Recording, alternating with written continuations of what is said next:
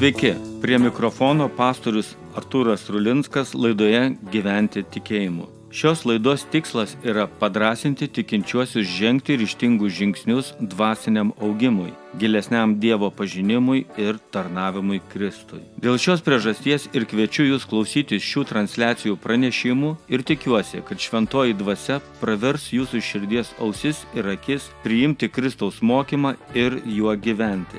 Jei pranešimas palėtė jūs, pasidalykite juos su savo draugais, O jei norite daugiau sulaukti panašaus pobūdžio mokymo, tuomet užsiprenumeruokite šias laidas. Iki.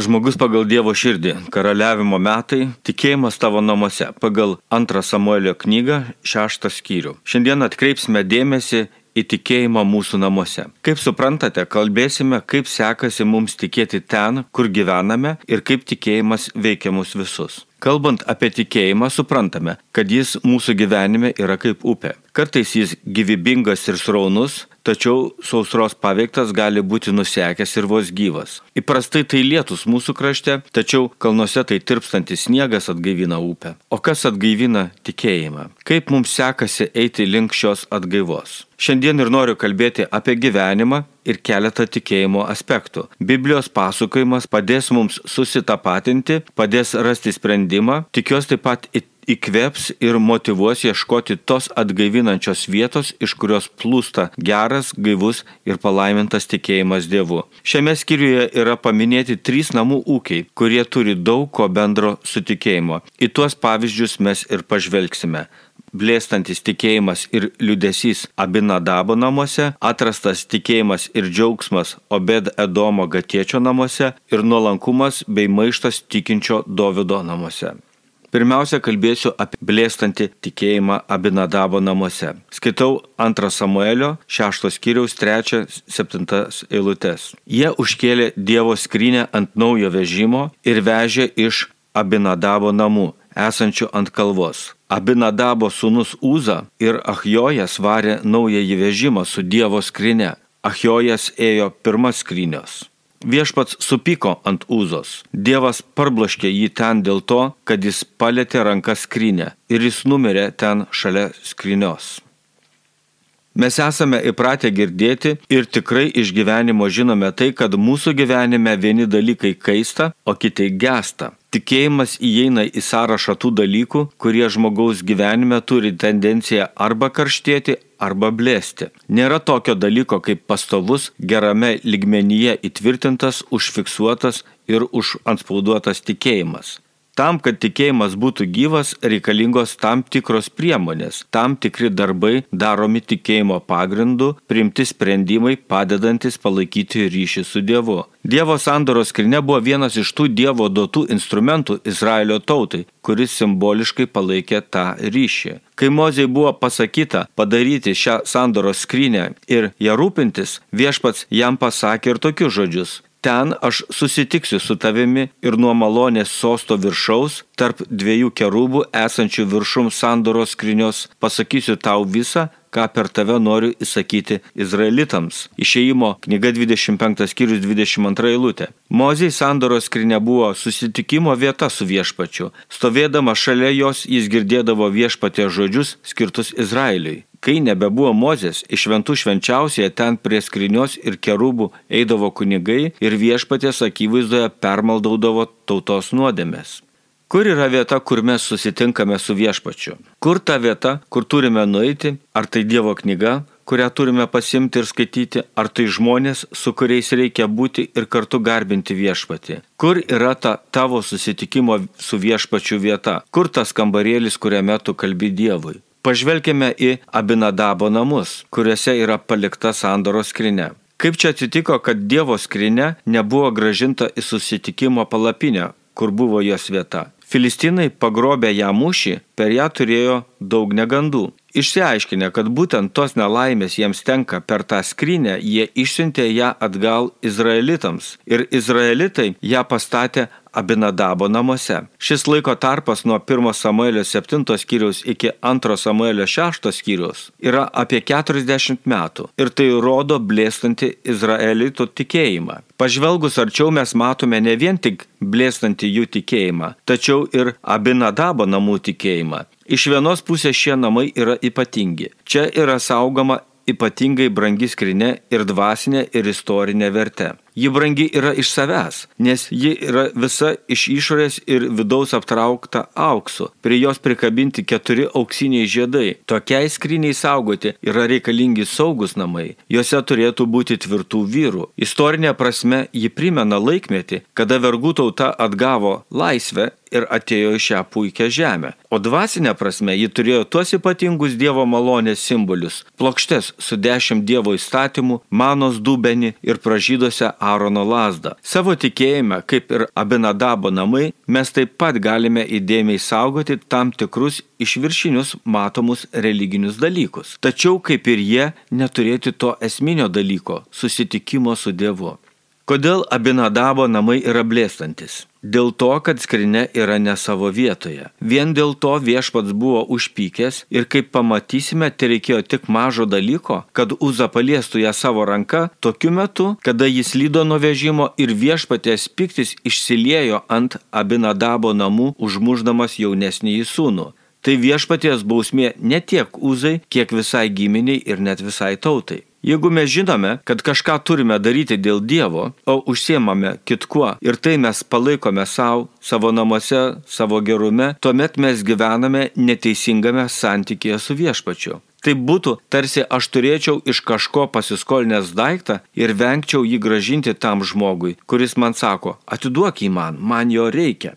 Čia tiktų misijose žuvusio Džimo Elieto posakis, kuris skamba maždaug taip. Nekvailas yra tas, kuris atiduoda tai, ko negali išsaugoti, kad gautų tai, ko negali prarasti. Kas liko po to Abinadabo namuose, kai iš jų iškeliavo skrinė? Liko tuščia patalpa, kurioje stovėjo skrinė ir kuria galbūt jie didžiavosi. Liko prisiminimas, kad ši šeima buvo skrinios saugotojai. Jie darė tai, ką turėjo daryti kunigai ir dabar jiems tenka gyventi su didžiu praradimo jausmu. Dar daugiau, juk per šias išneštą skrinę mirė užaugintas sunus. Po šio įvykio visi Abinadabo namai dar labiau gėdėjo mylimo mirusio sunaus. Tai dvigubas praradimas, tai antras netekties liudesys. Jeigu žmogus, ar šeima, ar bažnyčia, ar kai kuriais atvejais net ir tauta gyvena šalia Dievo, tačiau ne į jį sudėję savo lūkesčius, iš esmės jie yra blėstančio tikėjimo srovėje. Net jei yra kilai saugo brangiausią tikėjimo atributą, ar tai būtų skrinė, ar ypatingas aukuras, ar šventovė, ar tradicija. Jei galėdamas būti Dievo artume gyveni šalia Dievo, tai galutinis tokio gyvenimo rezultatas bus tuštuma ir liudesys. Pakalbėkime apie kitus namus ir apie džiaugsmą Obed Edomo gatiečio namuose. Skaitau 11-12 to paties kiriaus eilutes.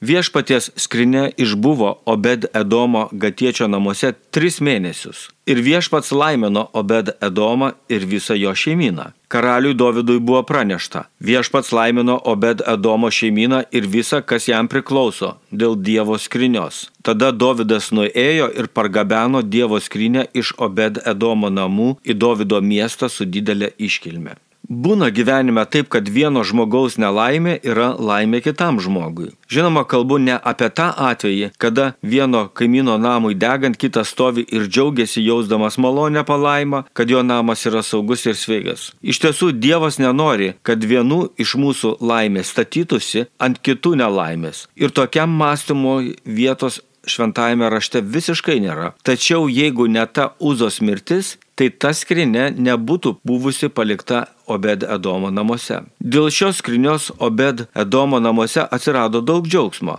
Raštas aiškiai kalba, kad Dovydas išsigando ir nebenorėjo gabenti Dievo skrinios ir ją paliko jo namuose ir šiuo atveju Obed Edomo gatiečio namai suklestėjo per Dievo sandoros skrinę kad mums kas nors kažkada paliktų tokią skrinelę, kad ir mūsų namai suklestėtų, kad mūsų gyvenimas prisipildytų džiaugsmo ir laimės. Kaip mes to norėtume? Pažvelkime. Žmogus gali turėti gyvenime viską, ko tik yra panorėjęs ir būti nelaimingas, o kitas gali gauti naują supratimą ir visiškai pasikeisti, būti laimingiausias gyvenime.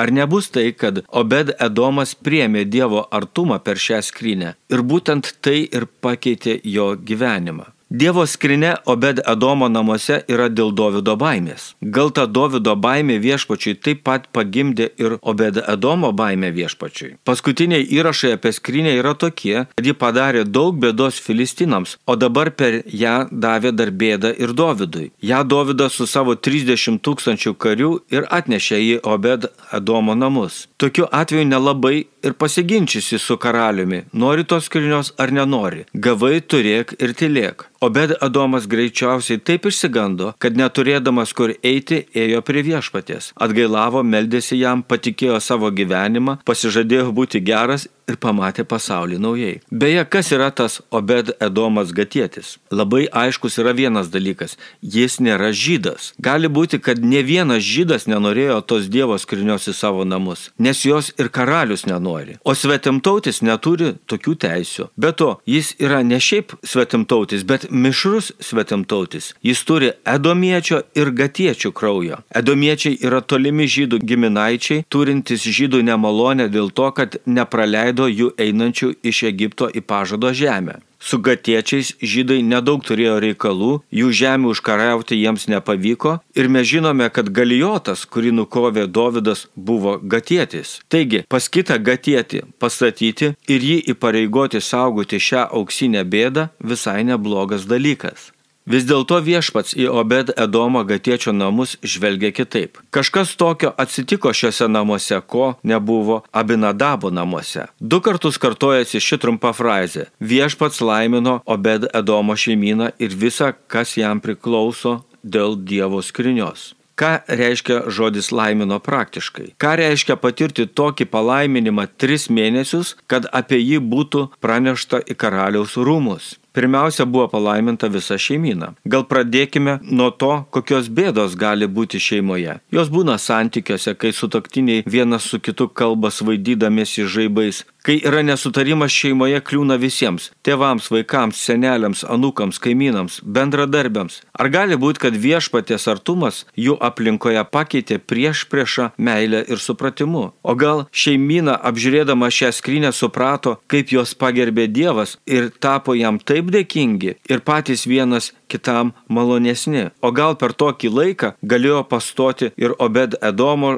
žmona, ar duktė ištekėti, ar marti lengvai pagimdyti. Kas bebūtų, bet kaimynai tai matė ir tai vadino viešpatės palaiminimu. Tam laikui daug bėdos duodavo sveikatos sutrikimai. Žmonės paprasčiausiai kentėdavo tas kančias primityviais metodais mėgindami išsigydyti savo skaudulius. Ar galėtų būti taip, kad viešpats išgydė jų ligonius per tuos tris mėnesius? Manau taip, tai irgi būtų palaiminimas. Buvo palaiminta ir tai, kas Obed Edomui priklauso. Finansai ir pajamos yra didelis dalykas kiekvienai šeimai. Būna gyvenime įvykių, kad netikėtai tenka uždirbti daugiau, kai kažkas dovanoja, kai atsiranda lėšų atiduoti skoloms, kai pavyksta suburtis, sudaryti sandorį, kuris tau suteikia sparnų ir tu įmiesi gero darbo. Jeigu Obedė Domas turėjo avių, tai turbūt jo ūkis padidėjo. Jeigu jis kažką darė savo rankomis, žiedė puodus, dirbo baldus, kasė šulnius, gamino darbo įrankius, siuvo batus ir panašiai, tai turbūt jis buvo gerai įvertintas pirkėjų ir jam netrūko užsakymų. O gal tiesiog žmonės norėjo pamatyti Dievo sandoros skrinę ir ėjo į ją pasižiūrėti, o Edomas pamatęs, kad žmonės nori valgyti ir ieško vietos permegoti, atidarė atidarė restoraną ir viešbutį pavadinęs jį Sandoros skrinė vardu ir jį ištiko didelė sėkmė.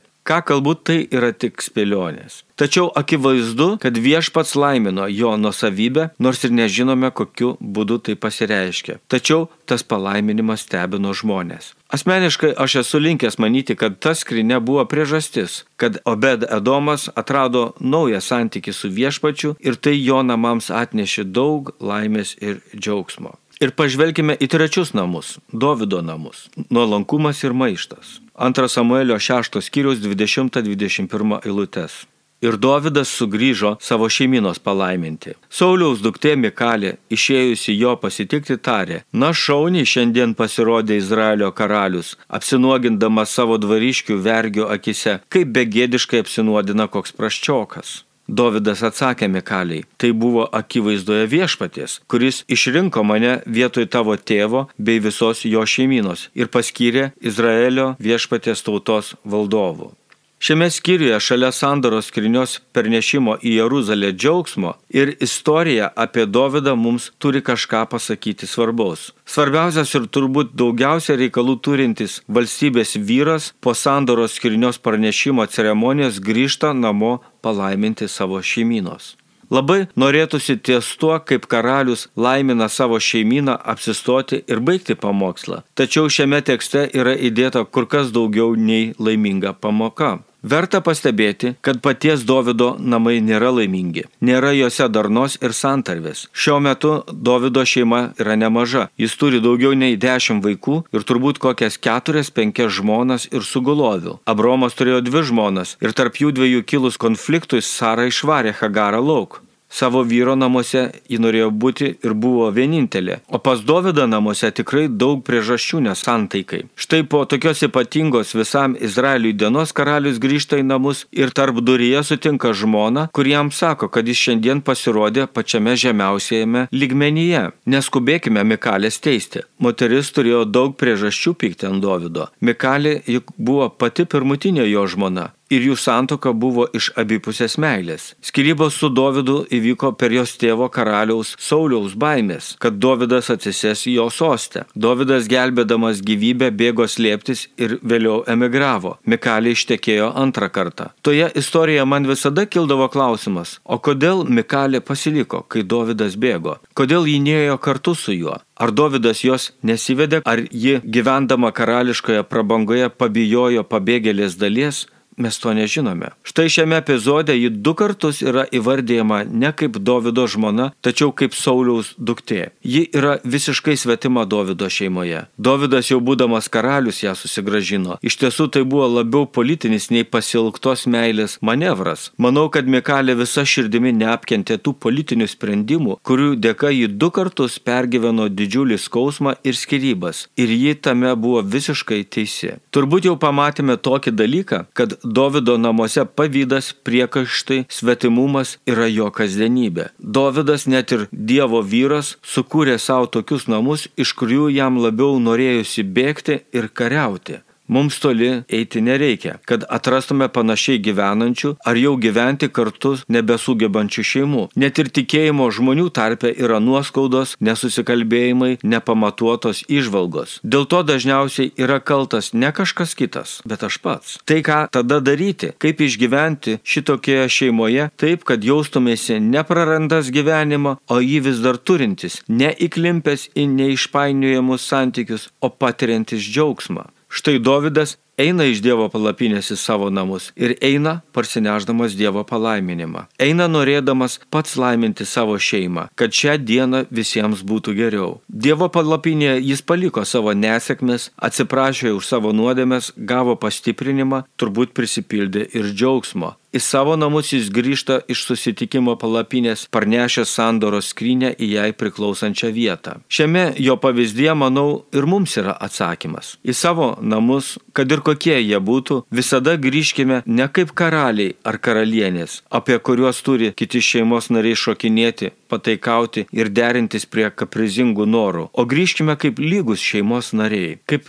tarnaujantis. Į savo namus grįžkime ne mokyti, kaip gyventi, o pasiruošę patarnauti. Į savo namus eikime ne iš jų gauti savo palaiminimu, o juos parneškime. Eikime į savo namus ir jei jie yra susiskaldę, juos vienykime. Jėzus taip yra pasakęs, jei namai suskylę, tie namai neišlieka. Evangelija pagal Morku 3 skyrius 25 eilutė. Kažin ar yra koks nors kitas būdas turėti vienybę ir sutarimą, jei ne per pasitikėjimą Dievu, kuris visus tuos galus tolstančius vieną nuo kito padeda sulaikyti ir suvienyti. Davido namai, kuriuose yra ir nuolankumas, ir maištas, vis dėlto išlieka. Pabaigai. Žvelgdami į senovinę pranašo Samuelio knygą, apžvelgėme tuos dalykus, kurie kalba apie gyvenimą namuose ir tikėjimą. Mes pamatėme blėstantį tikėjimą ir liūdėsi, atrastą tikėjimą ir džiaugsmą ir tikėjimą maištingose namuose, kuriuose yra nuolankumas. O kaip tau sekasi gyventi tikėjimu savo namuose? Nėra lengva ir neturėtų būti lengva. Tačiau yra palaiminimai, kuriuos viešpats mums nori duoti, jeigu mes jų siekiame ir norime. Kokiuose namuose tu gyveni ir ką tu gali pakeisti, kad juose būtų daugiau tikėjimo ir džiaugsmo. Iki.